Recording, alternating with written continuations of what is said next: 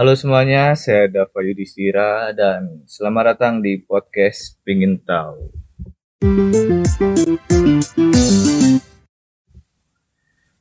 Nah, eh sebelumnya mau ngasih tahu aja ini di record tanggal 4 4 Juli eh, malam gitu. Nggak tahu mau di-upload kapan. Oh, sorry. 5 Juli, 5 Juli dini hari. Padahal ntar jam 10 ada UAS lisan. Ya ampun. Bayangin udah UAS lisan. UAS lisan malah bikin podcast. Kan goblok ya. Ya tapi nggak apa-apa. Ya cuman bikin bikin-bikin aja. Kenapa saya bikin? Karena saya ada bahan. Kalau tidak ada bahan, ya nganggur. Hmm. Gak apa-apa, ini aku mau ada bahan aja. Jadi, eh, beberapa hari yang lalu ya, saya itu, kok saya? Beberapa hari yang lalu, aku divaksin eh, hari apa ya? Kamis, Kamis tanggal berapa? Kamis, Kamis, Kamis, Kamis tanggal 1 Juli. Jadi tanggal 1 Juli itu eh, aku divaksin dosis pertama ya, dapatnya Sinovac. Eh, ya sedikit sekali perubahannya. Atau ya yang yang kerasa aja gitu. Yang kerasa banget itu di eh, apa ya? Jangka pendek setelah vaksinnya sih kayak kayak ngantuk ngantuknya itu banget. Jadi padahal sehari sebelumnya aku itu tidur cepet loh. Maksudnya jam 10 itu udah cepet gitu. Aku tidur jam 10, bangun pagi, eh, sarapan apa segala macem, vaksin jam 9, kelar jam 10, pulang ngantuk asli. Ngantuknya itu apa ya? Kayak kayak nggak tidur dua hari. Ngantuk banget jadi jam 10 itu pulang langsung tidur sampai jam 3 sore. Ya, sampai jam 3 sore. Bayangin, ngantuk. Terus habis ngantuk itu eh eh, apa sih namanya? Tangan tangan itu apa ya? Kalau bahasa sininya itu kemeng, kemeng, kemeng itu apa ya? Kalau sakitnya itu kan sakit jenisnya banyak ya. Ada yang perih apa-apa-apa gitu. Yang itu sakitnya kayak cenut-cenut gitu. Padahal yang disuntik itu eh, lengan kiri ya, lengan kiri, lengan kiri bagian atas. Tapi eh, cenut-cenutnya itu sampai ke bahu kanan. Sakitnya itu panjang men, 40 cm kalau mau jujur. 40 cm. Itu panjang loh. Gila. Eh, terus kan eh, dan aku dapat vaksin itu gratis ya sebenarnya Hmm, bukan bukan bukannya nggak pingin sih tapi ya ya entarlah maksudku.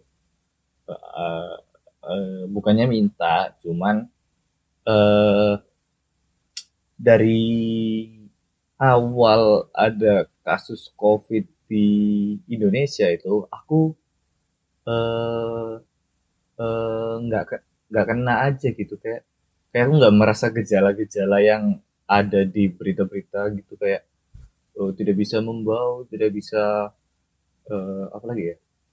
Tidak bisa membau, tidak bisa merasakan makanan apa segala macam. Eh, aku pernah pernah pernah nggak bisa membau, nggak bisa membau doang sih. Itu pun cuman sehari dua hari gitu. Kan kan aku nge-vape ya, jadi jadi batasanku bisa membau atau tidak itu ya dari aku nge-vape gitu. Jadi kalau aku nge-vape eh, rasanya udah ambar itu kemungkinannya dua sih. Emang eh, harus ganti kapasnya atau ya emang covid aja. Tapi eh, pada waktu itu aku itu nggak nggak sampai yang dua minggu atau seminggu. Seminggu bahkan nggak sampai cuman sehari dua hari. Sehari dua hari gitu. Terus ya udah normal lagi. Paling juga eh, sempat panas dua hari tiga hari. Udah balik lagi. Tapi emang dasarnya nggak nggak pernah mau tes ya nggak pernah mau tes. Jadi ya ya udah gitu-gitu aja. Aku belum pernah tes dari awal covid serius. Even rapid aku juga pernah loh. Rapid test yang pakai jarum suntik kayak ngetes diabetes tau nggak yang dipakai pulpen gitu kayak cek terus keluar darah dites sisanya di mood gitu kan. Aku bahkan nggak pernah ngerasain rapid. Apalagi eh, apa nas swab swab PCR sama antigen gitu. Bahkan aku nggak tahu bedanya apa. Bahkan ada lagi yang di kereta api itu pakai pakai udara atau gimana itu punyanya UGM ya kalau nggak salah. Eh, eh, penemuannya mahasiswa UGM gitu. Tes Ginos apa sih? Ginos lah namanya itu. Yaitu eh, kita ngehembusin udara di kantong terus dites 30 menit gitu. Kalau oke ya udah. Bahkan itu aja aku belum pernah anjir batuk. Nggak nggak ini batuk batuk minum es. Soalnya banyak promo. Eh ya waktu waktu eh vaksin itu karena aku sempat ngobrol gitu sama eh, apa sih namanya? Tenaga medis itu. Bukan eh bukan dokter perawat. Ya ya mereka yang nyuntik itu perawat kan. Ya mereka yang yang nyuntik lah yang nyuntik lah. Jadi jadi ada dua orang gitu yang satu yang kayak nanya-nanyain ada riwayat penyakit apa apa apa, apa segala macam. Terus geser ke kursi satunya. Terus si mbaknya cuma bilang gak tahu mbak apa bu? Kayaknya si mbak mbaknya bilang eh vaksin eh, dosis pertama ya? Oh. Iya mbak. Oh ya udah. Udah. Dan nyuntiknya itu langsung kayak kan kalau kita imunisasi apa ya kayak suntik apa kayak gitu kayak kan enak gitu lembut. Jadi kayak kayak kayak dilempar dart tau nggak dilempar dart Set. terus dimasukin Cerut. udah. Itu makanya kembang deh. Gak tau ya gak itu kembang itu emang emang bagian dari proses vaksin itu bekerja atau emang yang nyuntik asal ya? Bangset kalau emang semua orang kemeng berarti emang vaksinnya yang yang bekerjanya seperti itu. Kalau cuma aku yang kemeng berarti ya mbaknya buru-buru. Tahu mau ngapain anjing eh waktu antri aku aku menemukan beberapa hal yang lucu gitu waktu antri. Eh, waktu antri untuk suntiknya kan udah habis habis ngisi data-data segala macam nunggu buat antrian. Itu ada kayaknya sih nakes gitu ya petugas puskesmas gitu nunggu menunggu kayak kayak berdiri gitu ngawasin. Tapi sambil eh sambil bergunjing asik. Bergunjing. Jadi jadi kan kayak kita nih rakyat biasa itu sering apa sih bergunjing tuh apa sih? Rasan-rasan. Rasan-rasan. Sih kita rakyat, rakyat biasa kan suka rasan-rasan tentang bagaimana kinerja tenaga kesehatan. Nah, tenaga kesehatan ini rasan-rasan tentang kita gitu, tentang tentang warga sipil biasa. Dan di depan warga sipil rasan-rasan tapi kedengeran. Dikira pakai masker nutupin suara. Kan enggak. Dia dia bilang kalau uh, uh, dia uh, dia tuh dia tuh curhat kalau kalau bilang masa di puskesmas sebelah itu dia ngurusin 150 mayat per hari dia bilang dia, uh, dia mengeluh gitu ada ada berita tentang puskesmas sebelah yang ngurusin 5, 150 lebih mayat COVID-19. Terus yang satunya nimpali, oh iya tambah, oh gitu kok orang-orang bilangnya kita dibayar, kita dibayar, uh, kita dibayar buat mengcovidkan orang. Terus terus yang satunya lagi kayak ya ya ya makanya ya uh, ya makanya uh, orang-orang tuh bilang ya emang jadi kewajibannya tenaga kesehatan. Harus uh, menghadapi ini semua. Itu kan tugas anda. Anda uh, anda dibayar untuk itu gitu. Jadi jadi kayaknya itu mereka satir gitu. Bentuk satir satir mereka tentang apa sih namanya?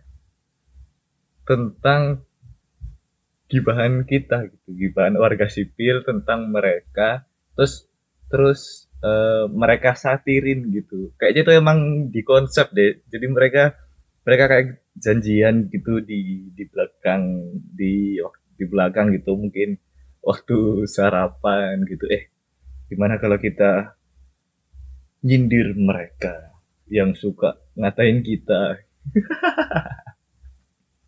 Kita kita sindir aja. Gimana gimana? Ya kita sindir. Uh, kita pura-pura kita pura-pura pura-pura cerita aja. Itu bikin cerita cerita uh, buat nyindir aja. Oke siap siap siap siap siap itu terus terus mereka uh, nyindir gitu. Yang yang yang yang lucunya adalah mereka nyindir itu di depan ada kali 50 orang. Dan suara itu nggak pelan nggak kayak orang nggak kayak orang lagi beneran apa sih namanya rasan-rasan gitu. Emang kayaknya sih emang di setting ya emang gimmick aja gimmick tenaga kesehatan yoi. Gimmick tenaga kesehatan. Uh,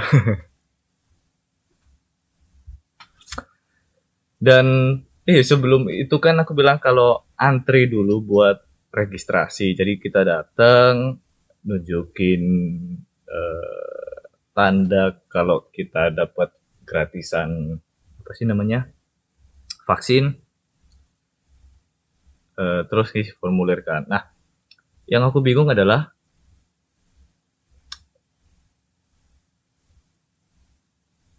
yang ter, uh, ternyata jumlah vaksin yang di stok uh, stok stok uh, stok vaksin di hari itu. Nah, stok vaksin di hari itu itu ternyata lebih sedikit jar dari orang yang antri gitu kan kan bingung ya kok bisa orang yang antri lebih banyak daripada stok vaksinnya. Ternyata, ternyata yang antri itu tidak semuanya tahu. Jadi kan kan aku pakai aplikasi uh, dapat gratisan dari aplikasi gitu kan dari Halodoc lah nggak apa-apa disebut, disebutin.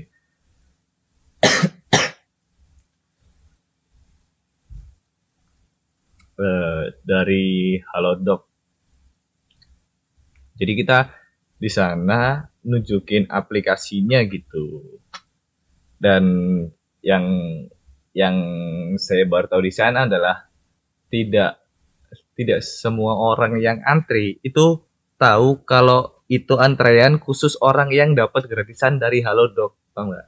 Jadi jadi banyak orang yang yang datang terus eh, dia kira orang lain itu datang-datang aja tanpa tanpa harus ngelewatin berbagai proses gitu. Jadi banyak orang yang datang terus tiba-tiba pas sampai di depan loketnya di depan frontliner gitu dia bilang loh kok saya nggak bisa kok bisa kok saya nggak bisa vaksin? Kok mas itu bisa? Kok bapak itu bisa? Gitu terus dia marah-marah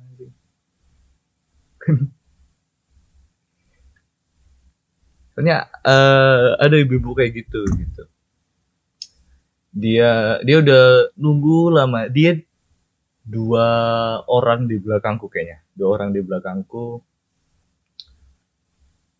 Terus ada lagi bapak-bapak di depanku. Tapi bapak-bapaknya nggak nggak nggak seberapa ngeyel nggak seberapa ngeyel. Si ibu ini nih aku udah udah nunjukin udah dapat formulir ngisi dong. Ngisi formulir pas waktunya ibu ibu-ibu itu udah sampai loket dia kayak marah-marah ini kok pakai aplikasi vaksin kan gratis gitu loh lah kenapa nyalain tenaga medisnya? Kenapa nggak nyalain aplikasinya? Kenapa nggak nyalain anda sendiri yang nggak ngerti teknologi? Harusnya orang-orang gini tuh yang yang yang berhak mati. Bukan bukan berhak mati tapi apa ya? Yang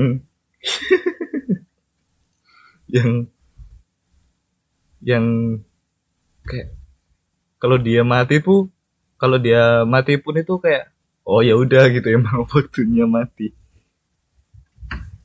Ini kan karena dari teknologi kenapa sih orang-orang nggak nggak ngikutin berita? Padahal itu rame loh. Uh, scan barcode ini untuk dapatkan vaksin gratis dari pemerintah melalui Halodoc apa segala macam. Itu kan ramai di mana-mana. Kenapa kok nggak dia nggak lihat itu gitu loh. Atau kenapa nggak anaknya lah anak yang nggak mungkin wanita umur segitu nggak punya anak mungkin aja sih mungkin mungkin mungkin. Tapi kemungkinannya kecil banget dia nggak punya anak. Mungkin ada tapi udah meninggal karena covid. Terus aduh ya mau lucu banget. Jadi nggak nggak. Kita asumsikan eh, beliau ibunya itu punya anak gitu. Dan kenapa anaknya nggak ngasih tahu kalau bu ini ada vaksin gratis loh. Nih daftar. Tinggal ngisi kok. Foto KTP kelar. Coba harus datang-datang marah-marah. Tapi nggak apa-apa. Ibu-ibu ibu itu nggak bakal dengar podcast juga. Orang-orang kayak gitu kalau kata Adri lebih baik ditunggu mati daripada ditunggu berubah ya udah tapi uh, aku termasuk orang yang percaya kalau salah satu media bukan salah satu jalur terkuat COVID-19 itu masuk ke dalam tubuh adalah mindset. Jadi kalau mindset kita emang sakit ya kita lebih gampang tertular gitu. Kayak orang yang paling gampang salah orang yang paling cepat meninggal adalah orang orang bah bah. Anjing habis divaksin belibet bangset orang yang orang yang paling cepat meninggal karena COVID adalah orang yang parno sama COVID gitu, Bang masih. Orang yang paling cepat meninggal sama COVID adalah orang yang paling parno sama sama COVID itu, yang parnoan. Jadi dikit-dikit yang harus apa sih namanya semprot-semprot hand sanitizer, masker double dua, itu pun kain sama kain. Dia bisa bernapas loh, kain sama kain loh. Kalau uh, masker medis sama kain, oke okay lah kain sama kain men itu kayak pakai sarung sampai muka tapi dua kali. Kan pengap ya. Iya tadi orang yang paling gampang kena covid itu yang paling takut gitu. Sama kayak uh, ada teman kita nih uh, dia dia ngerokok terus ngerokok ngerokok ngerokok ngerokok ngerokok ngerokok ngerokok tapi ya nggak mati-mati sampai sekarang. Dia padahal ngerokok terus loh. Tapi orang yang yang nggak ngerokok bahkan dia yang sering ditemui meninggal karena penyakit paru-paru atau yang eh, semacamnya gitu. Bahkan yang orang yang kita tahu sering merokok jarang jarang mati karena rokoknya gitu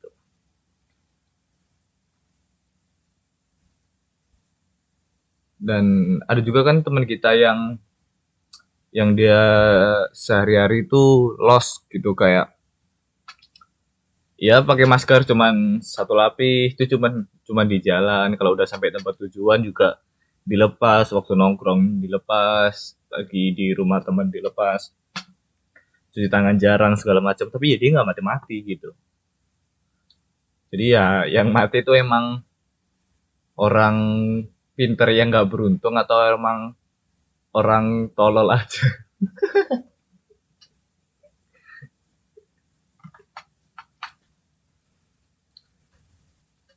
Mati mati karena eh, kesalahan sendiri tidak menjaga protokol kan ya? Ya kita klasifikasikan sebagai orang tolol ya.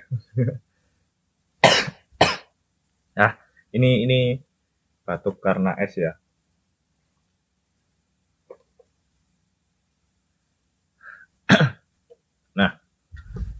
apa tadi? Iya orang yang mati karena lalai akan protokol kesehatannya sendiri itu kan ya kita klasifikasikan sebagai orang tolol.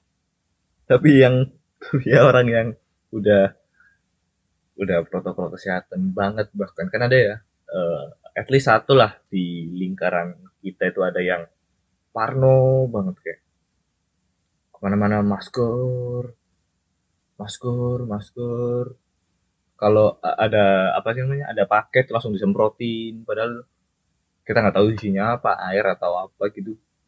Air biasa doang kayaknya tapi tapi disemprotin terus sampai rumah baju langsung disemprotin apa segala macam itu kan parno ya. Nah kalau orang yang udah protokol kesehatan itu tetap aja mati berarti dia emang ya emang nggak beruntung aja yang nggak beruntung lah pokoknya ya. Tapi at least kita harus ber ber terima kasih pada COVID-19 ya jadi. Kalau kalau kita tahu di di villain villain super villainsnya superhero gitu kan tujuan utamanya adalah perdamaian uh, ingin memusnahkan sebagian besar manusia gitu kan kayak kayak Thanos atau Ultron Ultron juga gitu. Dia pingin uh, memusnahkan manusia kalau Thanos itu ingin menghilangkan 50% populasi. Kita tahu Thanos gagal. Dan kita juga tahu kalau COVID berhasil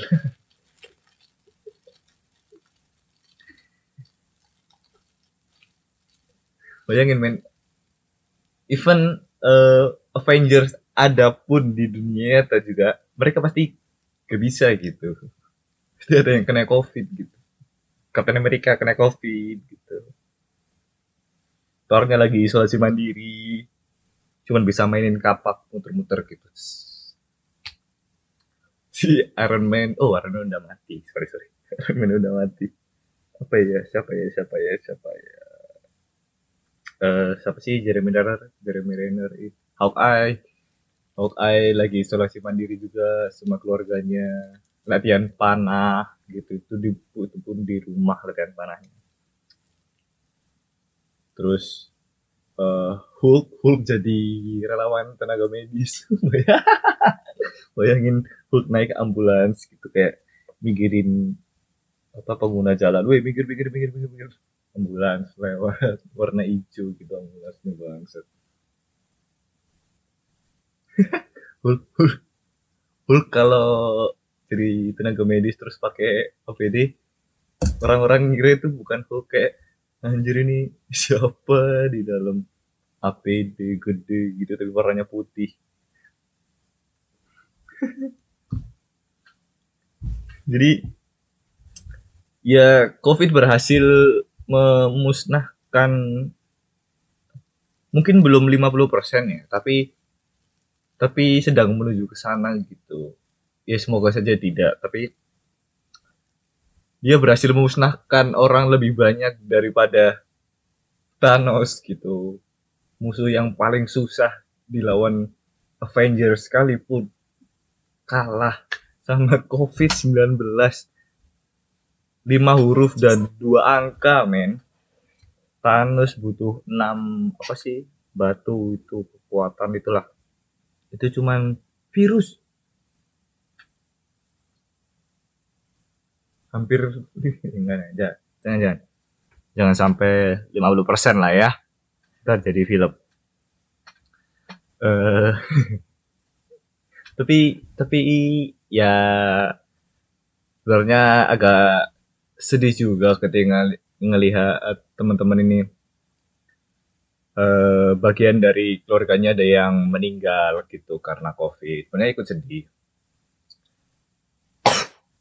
Sedih lah. Maksudku orang-orang ini uh, teman-teman gue ini ditinggal sama orang terdekatnya gitu. Itu itu menurutku berat lah bagi mereka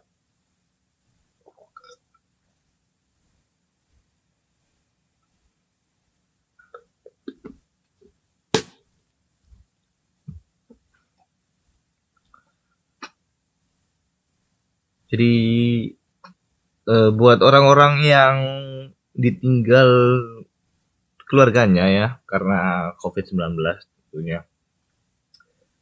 Ya stay strong lah maksudku. Ya ya udah deh. Ya mau gimana lagi gitu. uh, tapi aku ada yang aku bingung nih dari dari kebiasaan orang-orang nih ya yang gue bingung adalah kenapa nih? Kalau ada kalau ada saudaranya lah atau kerabatnya lah kerabatnya siapa pun itu.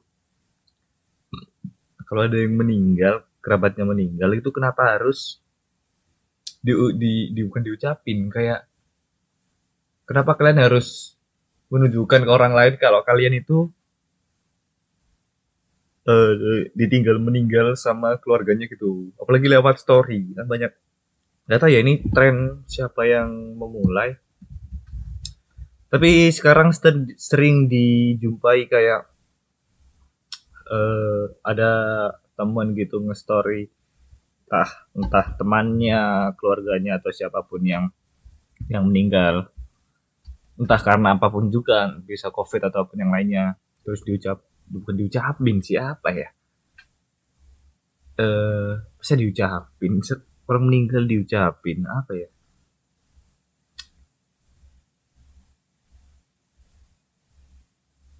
Iya bener, diucapin bela sungkawa. Nah itu ya bener.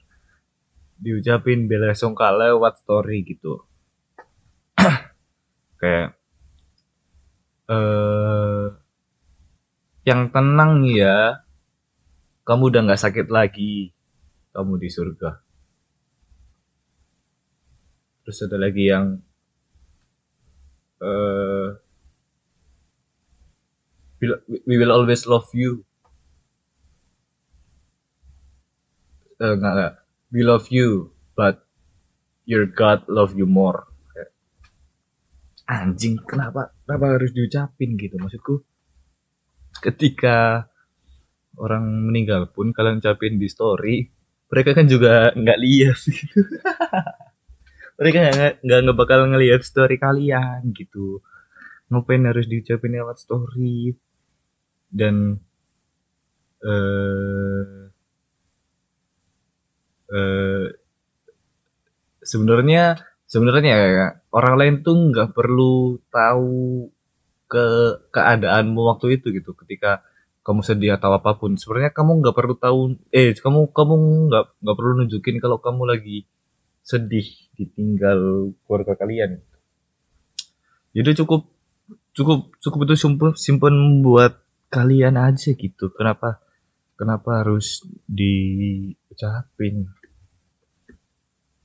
Apa perlunya apa perlunya orang lain nonton ucapan bela sungkawa kita pada orang lain gitu.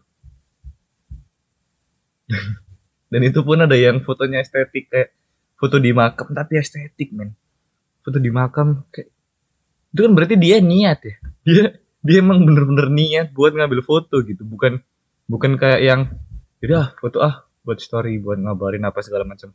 Tapi dia emang beneran niat kayak ngambil angle ngatur pencahayaan. Atau atau emang dia emang ke makam bawa kamera ya tapi nggak ngerti ya dia dia dia tuh kayak angle-nya bagus terus uh, ya kan ya standar ya ada gambar batu nisan atau apa pun di foto angle-nya bagus cari eh, cahaya dari mana, depthnya apa segala macem. Itu dipikirin, men. Berarti emang dia niat buat bikin konten kan. Emang dia pamer. Tapi kenapa pamer keluarga meninggal anjir? Ya udahlah itu buat kalian aja gitu. Maksudku eh, ketika kalian ada masalah apa pun lah. Ya sebenarnya orang lain nggak perlu tahu itu aja sih. Uh, kalau kalau kalau kamu emang menuntut uh, iya kalau kamu memang menuntut untuk diberi apa ya namanya ya kayak diberi diberi motivasi kamu pengen diberi kalimat penenang men salah men salah men maksudku ketika orang nih uh, ditinggal mati sama keluarganya lah katakanlah. Terus orang lain yang nyemangatin. Lah, kan salah. Maksudku dia nih yang orang orang orang eh, dia nih yang keluarganya udah meninggal diselamat di diucapin dinasehati bukan nasihatin apa ya? Diberi semangat sama orang yang keluarganya masih lengkap gitu. Ironis sekali menurutku maksudku dia, dia kan keluarganya udah nggak ada disemangatin sama orang yang keluarganya lengkap kan kebalik harusnya orang yang keluarga lengkapin yang disemangatin soalnya dia udah udah ngerasain rasanya kehilangan kan dia belum yang satunya harusnya tuh yang disemangatin dia dia kayak eh, eh, semangat ya Eh, kamu bisa kok ngelewatin ini nih. Hey, aku udah ngelewatin ini. Anda belum. Anda yang harusnya tak semangatin. Mampus, keluargamu akan ada yang mati.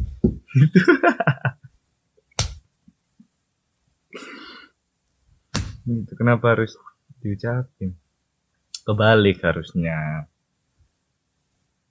Gak usah di, gak usah di, gak usah diucapin lah.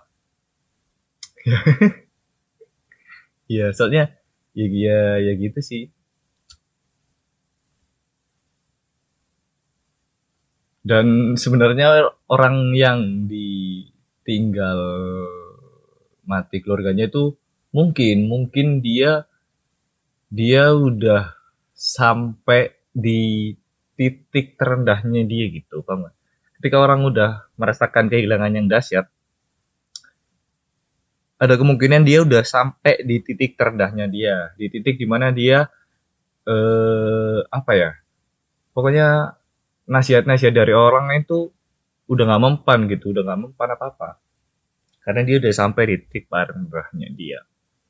Dan kayak kataku sebelumnya yang harus disemangatin ya orang yang malah ngasih semangat itu karena dia belum ngerasain apa-apa.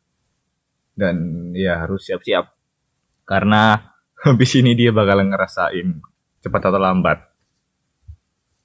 Jadi semangat buat yang keluarganya masih lengkap terus dijaga buat yang keluarganya udah nggak ada ya ya ini namanya hidup men. Keras. Kita harus tetap bergulir. Ya namanya juga live saya nggak perlu nyemangatin kalian. Memang hidup ini keras. Live live live dadah